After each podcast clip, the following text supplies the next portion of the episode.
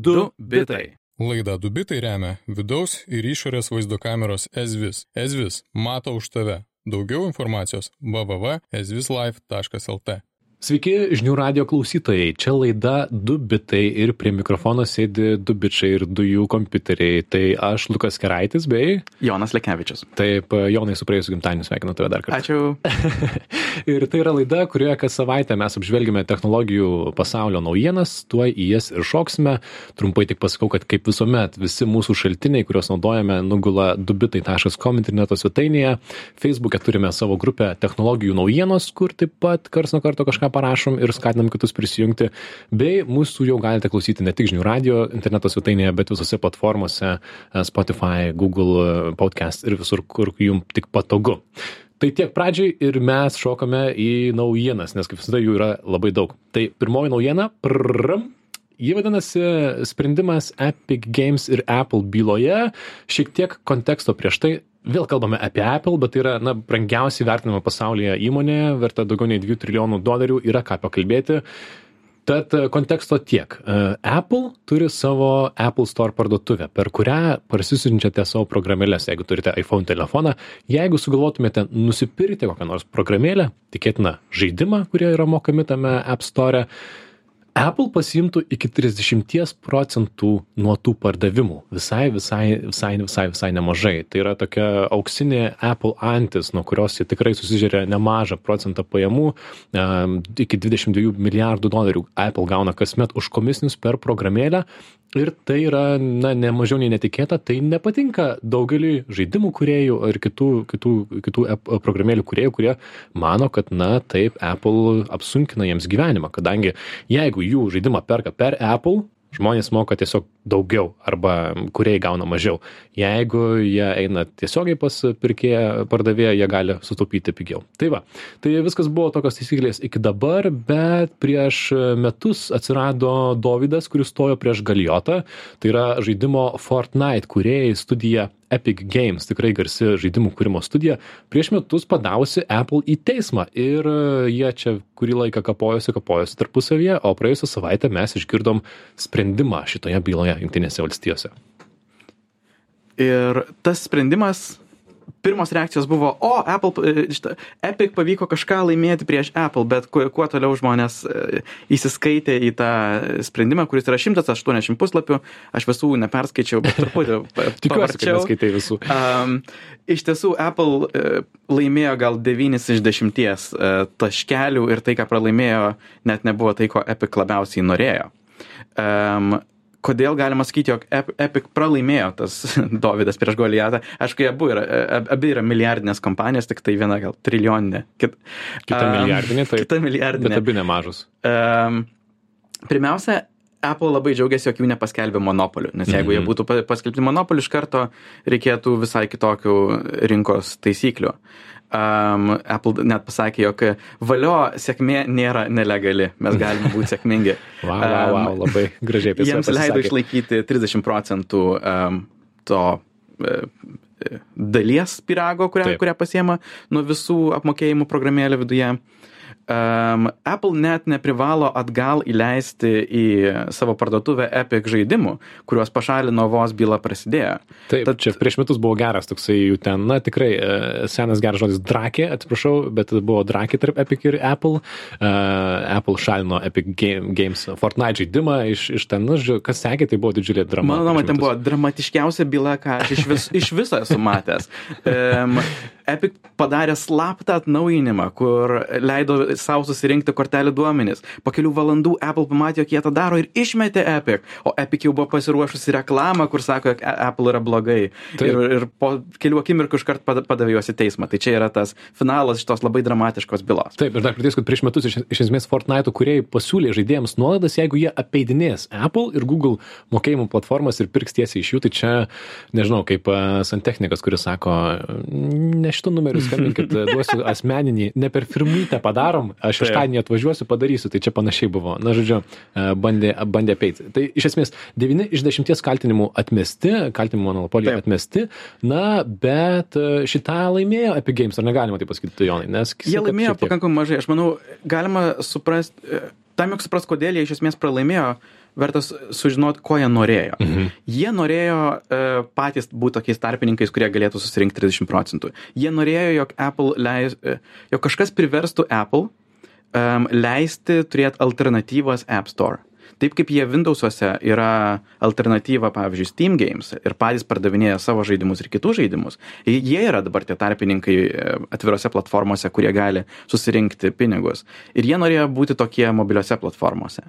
Ir tai, jog iš esmės jie pralaimėjo šituose taškuose, jog jiems neleido uh, kurti savo parduotuvės, jiems neleido sumažinti 30 procentų um, to procento, kurį Apple susirenka, tai iš esmės yra didžiausias pralaimėjimas. Ir yra jokingiausia tai, jog jie visą šitą bylą taip smarkiai rizikavo savo populiariausių žaidimų vien todėl, jog jie tikėjosi, jog jie laimės didesnį dalyką, tai yra galimybė patiems būti pardavėjais. Bet tai, ką jie laimėjo, iš esmės jiems net nėra tiek naudinga, kiek tai naudinga kitiems. Visiems kitiems programėlių kuriejams, kurie dabar pagal teisėjos nurodymą Apple nebegalės reikalauti iš visų kuriejų, e, jog jie naudotų tik tai Apple mokėjimo platformą ir galės kreipti į savo mokėjimo platformas.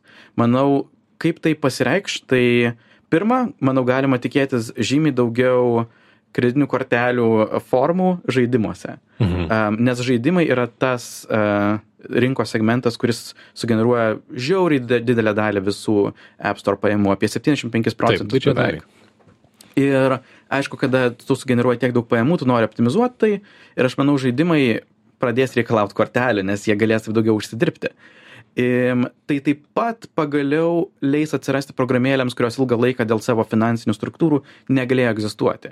Kindle, Amazon negalėjo pardavinėti knygų, Patreon rėmimo platforma negalėjo egzistuoti todėl, jog jie norėjo žymiai daugiau pajamų duoti patiems kuriejams.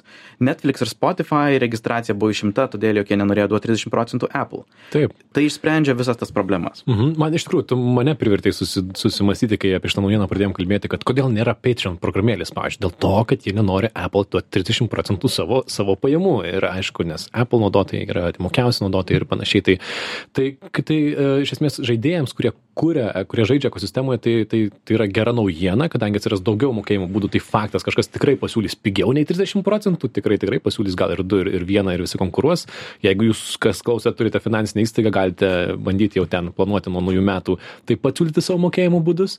Ką tai reikš nežinau paprastam man e, facebook apple naudotojui pavyzdžiui ar tai kažkaip pakeis mano gyvenimą? Tai aš manau vat galima tikėtis žymiai daugiau programėlių kurios sakys dabar prašom suvest savo korteles arba galbūt atsiras kažkokios e, kažkokie sluoksniai virš e, mokėjimo platformos, kurios bandys labiau tiesiogiai konkuruoti su, su App Store. Ir manau, atsiras žymiai e, daugiau, sugrįž tos programėlės, kurios buvo išėjusios, arba šiek tiek supatogės naudojimas tų programėlių, kuriuose šiaip ar taip jau mokė. Mhm. Um, aš manau, dar paskutinis punktelis, kurį norėčiau paliesti, toksai truputukai į teisinį mišką, bet manau labai svarbu teisinį mišką. Tai yra um, su teisėjo sprendimu visose šitose antikonkurencinėse monopolinėse bylose labai pats svarbiausias dalykas dėl ko visi kovoja yra rinkos apibrėžimas kas yra ta rinka kurioje mes esam monopolininkai arba mhm. ne Taip. Ir teisėja apibrėžia rinką, kurioje visi šitie dalyviai konkuruoja, kaip mobiliųjų žaidimų mokėjimus. Ne bendrai programėlių mokėjimus, um, o mobiliųjų žaidimų mokėjimus. Kas iš esmės atlaisvina Apple rankas turėti skirtingas taisyklės uh, normaliems appsams, ten Netflixams arba produktivumo appsams, office'ams ir žaidimams. Ir turint omeny, jog žaidimai yra ta aukso žasis, kuriems Taip. generuoja visas pajamas, jie galės turėti žymiai griežtesnės taisyklės žaidimams negu normaliems e, paprastų programėlių kuriejams. Ir aš esu beveik tikras, jog Apple net džiaugiasi šitų išlaisvinimu. Mhm. Jie galės žymiai daugiau reikalauti. Teoriškai jie net gali pareikalauti daugiau negu 30 procentų žaidimo, jeigu nori. tai, tai čia yra, iš tiesų, Apple praktiškai vienus vartus laimėjo šitą bylą. Taip, tai toks laimėjimas. Man šitą istoriją dar yra apskritai apie tą na, platesnę temą, kad visos didžiosios platformos, didieji socialiniai tinklai, visi didieji technologijų gigantai, ar jie vis dar, na, ar, ar jie visada, visais atvejais gali vadintis tiesiog privačiomis įmonėmis, kurios, iš esmės, privačios įmonės, ką nori, tą daro, ima ir pakeičia mokestį, kad rytoj turi savo taisyklės, kaip nori, taip daro, ar visgi būdamas tam tikro dydžio, tu tampi tam, tam tikrą prasme vieša erdvė ir privalai prisimti tam tikras atsakomybės, nes, na, įsivaizduokim, rytoj Facebookas paskelbė, kad tampa mokamas, 3 eurai per mėnesį. Tai tai būtų ne tik finansiniai kažkokie padariniai, tai iš tikrųjų būtų socialinių padarinių, ar ne? Žmonės ten savo gyvenimus yra įdėję, kažkas turi kontaktus, kažkam tie 3 eurai būtų per daug mėnesį. Tai, jo, tai ta... Aišku, Facebookas niekada to nepadarys, nes tiems tai būtų nelogiškiausias sprendimas, bet, bet diskusija apie tą Apple 30 procentų visgi tampa svarbi, nes jie yra tas, uh, jie tampa tarpininku beveik visos skaitmeninės ekonomikos. Mhm. Ir ta toks, akivaizdu yra, jog tai yra labai didžiulė įtaka ir kai jie kontroliuoja visą tą segmentą, jie, jie labai valdo visą ekonominį augimą viso skaitminio sektoriaus. Taip, nes jie iš esmės valdo pačius mokiausius e, telefonų naudotojus, tai yra iPhone naudotojus ir pačią na, begalinę žaidimų mokėjimų rinką yra didžiulė. Netgi tie tik kvaili žaidimai, kur kažką galiu nusipirkti už papildomai dolerį ar eurą, jie generuoja didžiulius kiekius pinigų, daug, daug, daug pinigų tai va tai tiek tikriausiai apie apple versus epic games. Be abejo apple gali skųsti tą bylą čia tikriausiai gal dar kažkas kažkiek užsitęs. Apple gali skųsti apple turbūt neskųs epic mhm. jau paskundė. Mhm. mano nuomone tas skundas niekur nenuves nes teisėjo sprendimas yra labai stipriai labai logiškai sukonstruotas. Ir aš smarkiai abejoju, jog kiek nors pasieks, manau, jog čia yra pabaiga istorijos. Ok.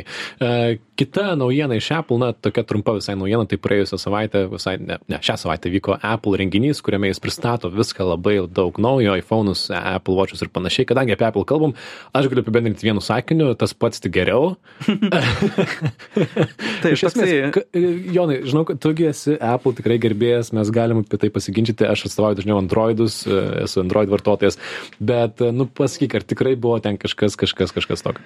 Iš tiesų, renginys, apie kurį mes buvom pasilikę laiko laidoje, daug laiko nereikės. Um, tokie me atnaujinimai.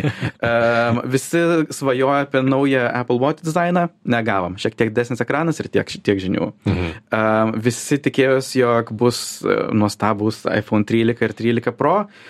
Šiek tiek geresnės pra, kameros, šiek tiek greitesni procesoriai, bet iš tiesų atrodo net, jie net nebelygina su praeita karta, kas reiškia, procesoriaus pagreitėjimas mhm. yra labai e, minimalus. Um, vienintelis toks rimtas atnaujinimas yra pagaliau, pagaliau Apple ateina ir susilygina su Android telefonais ir turi 120 Hz ekraną, kuris mhm. gražiau atrodo. Tik dabar, rimtai. Tik dabar. E. Bet iš esmės, jeigu jie dar turėtų e, savo ankstesnį vadinimo tendenciją, tai čia nebūtų iPhone 13, čia būtų iPhone 12S. Tai tokie S metai bet mano širdį šitame renginyje pagriebė iPad mini, kuris pirmą kartą po devinių metų gavo naują dizainą ir man jis labai patinka. Jis yra mhm. tokio paties mažo dydžio, tik tai su didesniu ekranu ir tokia maža, jauki skaitminė užrašų knygutė. Tai šitas, šitas man patiko. Gerai, puiku, bet Apple, jeigu klausaisi, tai mes tikėjomės daugiau, žinok. O, jo. Tiesą pasakius, tai judėsim toliau. Ačiū tau, Apple. E, dar viena svarbi, na tokia, visai mums atrodanti įdomi naujiena, kuri pradžioje galbūt skamba kiek dramatiškai, paskui, kai paaiškinsim, galbūt skambės šiek tiek mažai, mažiau dramatiškai.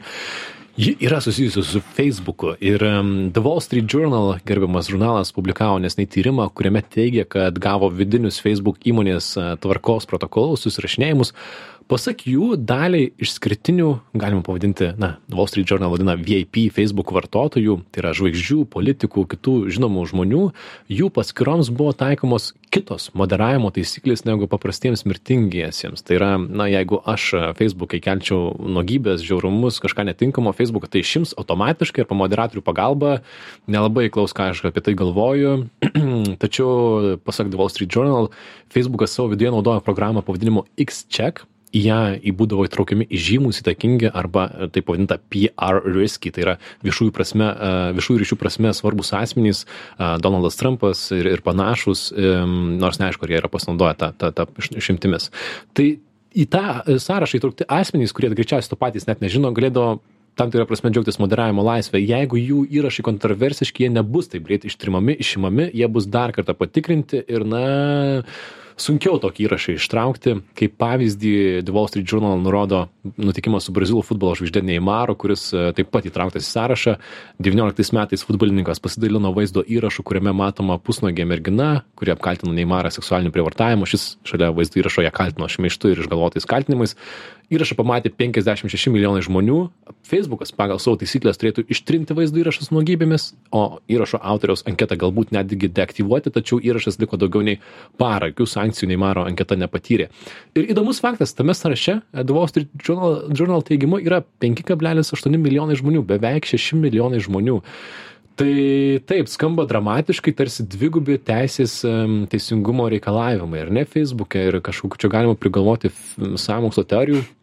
Nors ironija didžiausia yra tame, kad netgi vidinėse dokumentuose jau parašyta, kad tik 10 procentų šitų VIP įrašų būdavo sugebėta peržiūrėti ir, ir suredaguoti moderatorių žmonių, jie tiesiog to taip pat nespėdavo ir to kokybiškai nedarydavo. Tad štai, bet į šitą istoriją sureagavo ir Facebookas. Andy Stone, Facebooko politikos komunikacijos atstovas Twitter'e rašė ir jis teisingai rašė, patikrinus, kad e, nėra jokio dvigubo teisingumo standarto. Dar 18 metais Facebook, Facebook pranešė apie double check, tai yra dvigubo patikrinimo sistemą, kurią taiko tiesiog populiariausiams, daugiausiai aplankomoms puslapiams. Tarp jų yra ir BBC, Channel 4 News ir kiti.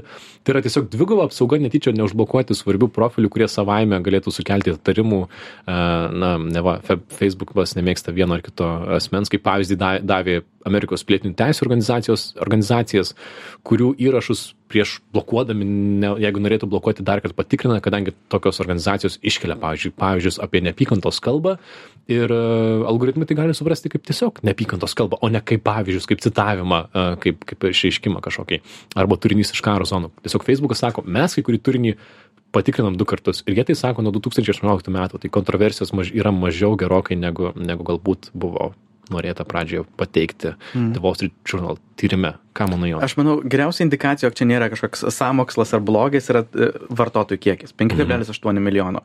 Tai yra, nėra visiškai super vipiniai žmonės, tai yra tiesiog daug populiarių žmonių. Ir kaip paminėjai, tai nėra daug straipsnių pristatė kaip slaptą kažkokią sąmokslo dalyką. Tai, mhm. tai buvo pakankamai vieša programa. Ir ją nėra labai sunku suprasti, kodėl ji egzistuoja. Aš uh, po šito straipsnio um, išėjimo paskaičiau vieno um, Facebook programuotojo, kuris dirba prie šitos uh, programos uh, sukūrimo um, atsiliepimą ir tai yra labai paprastas, logiškas egzistavimas. Tai yra, jeigu kažkam yra tekę būti bent šiek tiek populiaresnių internete, tai su dideliu kiekiu laikų taip pat ateina ir didelis kiekis heiterių. Mhm. Visų žmonių, kurie staiga pradeda tavęs nekęsti, nes tu turi kitokią nuomonę ar dar kažką. Ir kai kurie iš tokių žmonių tiesiog seka tave vien tam, jog vos tu kažką paskelbsi, iš karto tave reportinti. Sakyti, jog čia yra blogas įrašas, šitas įrašas kursto neapykantą ar dar mhm. kažką blogo. Ir tai yra tiesiog žmonių tendencija - nekesti kitų žmonių ir juos reportinti. Ir tai ir yra esminė priežastis, kodėl šita programa egzistuoja. Um, kadangi žmonės uh, taip iracionaliai reportina, pavyzdžiui, esi kitos futbolo e, klubo fanas, taip. iškart reportins, nesvarbu, ką darys Neimaras. report, report, report. Um, ir moderatoriams tai yra triukšmas, nes jie žino, jog vos garsinybė kokią nors papaustins apie bet ką.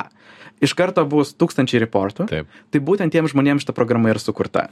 Jog ap, atlaisvint moderatorius nuo viso to triukšmo, nuo heiterių, um, jog iš tiesų liktų tas turinys, kuris yra svarbiau moderuojamas. Taip. Ir Facebookas tikriausiai nori apsisaugoti nuo tokių atvejų, kai politikas koks nors tiesiog papostina kažką kontroversiško ir tiek, ir jis netyčia yra užblokuojamas, ir tada jis gali sakyti, aha, aš kalbu tokią tiesą, kad net socialiniai tinklai nori būtent, mane užblokuoti būtent. ir, ir štai kokie matot, jie viską jie kontroliuoja, la la la. Ir kodėl tai... politikus būtent užblokuos, nes politikai yra kita kategorija žmonių, kurie turi labai daug heiterių. žmonių, kurie yra kitoj pusėje politinio spektro ir vėlgi skūs Facebookui kiekvieną įrašą, nesvarbu Taip. apie ką.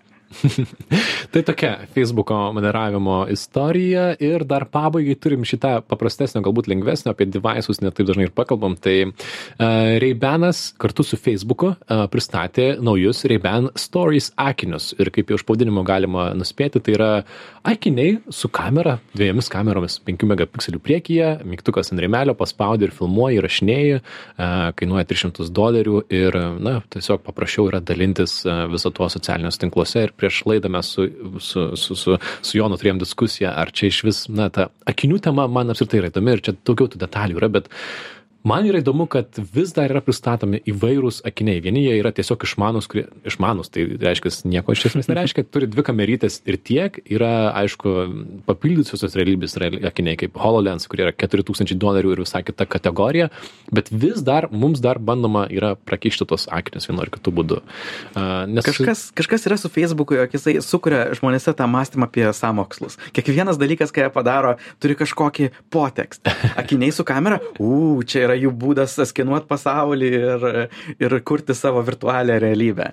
Um, aš manau apie šitus e, Ray-Ban akinius istorija yra gana paprasta ir žmonės kartais ją pergalvoja truputuką per daug. Tai yra tiesiog gražus akiniai su gerai integruota kamera, jie yra panašus į Wayfarer modelį, kuris šiaip ar taip kainuoja 200 dolerių, o čia mhm. šitie akiniai kainuoja 300 dolerių, tai nėra toks beprotiškas pabrangimas e, su kažkokia kosminė technologija. Uh, ir visų pirma tai yra Ray-Ban projektas. Ant visų akinių nėra nei vieno Facebook logotipo, turbūt ir dėl e, tos viešosios nuomonės gal apie taip, Facebook, taip. Bet, bet ir taip pat todėl, jog tai yra Ray-Ban arba Luxotikos e, kompanijos, kuri turi Ray-Ban brandą, projektas. Ir Facebook yra tiesiog programėlių gamintojas. Jis, jis sukūrė programėlę, kuri integruojasi su, su tinklu Bet visų pirma, tai yra tiesiog gražus sakiniai. Aha, bet yra tokių gražių detalių, kaip pavyzdžiui, ta LED lemputė priešai sakinių, kuri e, e, dega, kai įrašinėjai video arba fotografuoji, aiškiai pasimokyta iš Google Glass sakinių, kurie, na, ir, ir sufeilino iš esmės, todėl kad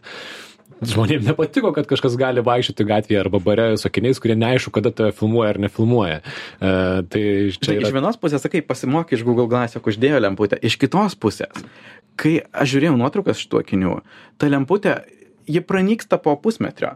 Ir ypač palyginus su tokiu labiausiai tiesioginiu konkurentu šitų akinių uh, Snapchat Spectacles akiniais, kurie irgi yra tiesiog akiniai su kamera mhm. filmuoti savo gyvenimą. Ten lemputė sukasi ratu, yra ryški ir sukasi aplink visą kamerą, taip jog negali jos paslėpti paprastai. Šitie yra kamputėje, toliau nuo kameros, tai jeigu nori, gali tiesiog su markeriu taškiuką juodą uždėti ir ta lemputė nyks, išnyksta. Tai e, aš nežinau, ar tai rodo, jog, žinai, kažkiek pasimokė iš Google, kažkiek nepasimokė iš Snapchat, o galbūt Snapchat persistengė. Um, bet manau, tas subtilumas kameros, jog maža viena lemputė, gali būti visgi neigiamas dalykas. Aš manau, mes kaip visuomenė dar nesam tiek pasiruošę, jog užtektų vienos mažos lemputės. Mhm. Aš galų gale manau kad išvis e, ta tikslinė auditorija tai yra influenceriai kuriems skirti tie akiniai jie mėgsta filmuoti save. Išvis teoriškai tokie akiniai netgi jeigu būtų patogūs pigūs ar jie prigytų ar žmonės norėtų filmuoti iš savo akių ką jie mato ir dalintis. Na bet e, apskritai e, akiniai yra įdomi tema papildysios realybės akiniai yra dar viena įdomi tema apie ką pakalbėsim. Smagu o mums praneša telefonai kad mūsų laikas baigėsi ar ne jonai gerai telefonas skamba, mums priminimas, kad turėtume jau baigti laidą. Tai ačiū visiems, kad klausėte. O, dar išpylėm vandenį. Visos įmanomas krizės vyksta laidos pabaigoje. Tai kol nenuskendam, kol ne, neišsijungiam, tik sakau, kad ačiū, kad klausėte. Kaip visuomet, žinių radio interneto svetainėje žiniųradijas.lt galite klausytis mūsų įrašų. dubitai.com yra visas šaltiniai. Mes sustiksime po savaitės. Čia buvo Lukas Karaitis ir Jonas Lekevičius. Ačiū Jums ir iki. Laidą Dubitai remia vidaus ir išorės vaizdo kameros Ezvis. Ezvis mato už tave. Daugiau informacijos www.ezvislife.lt.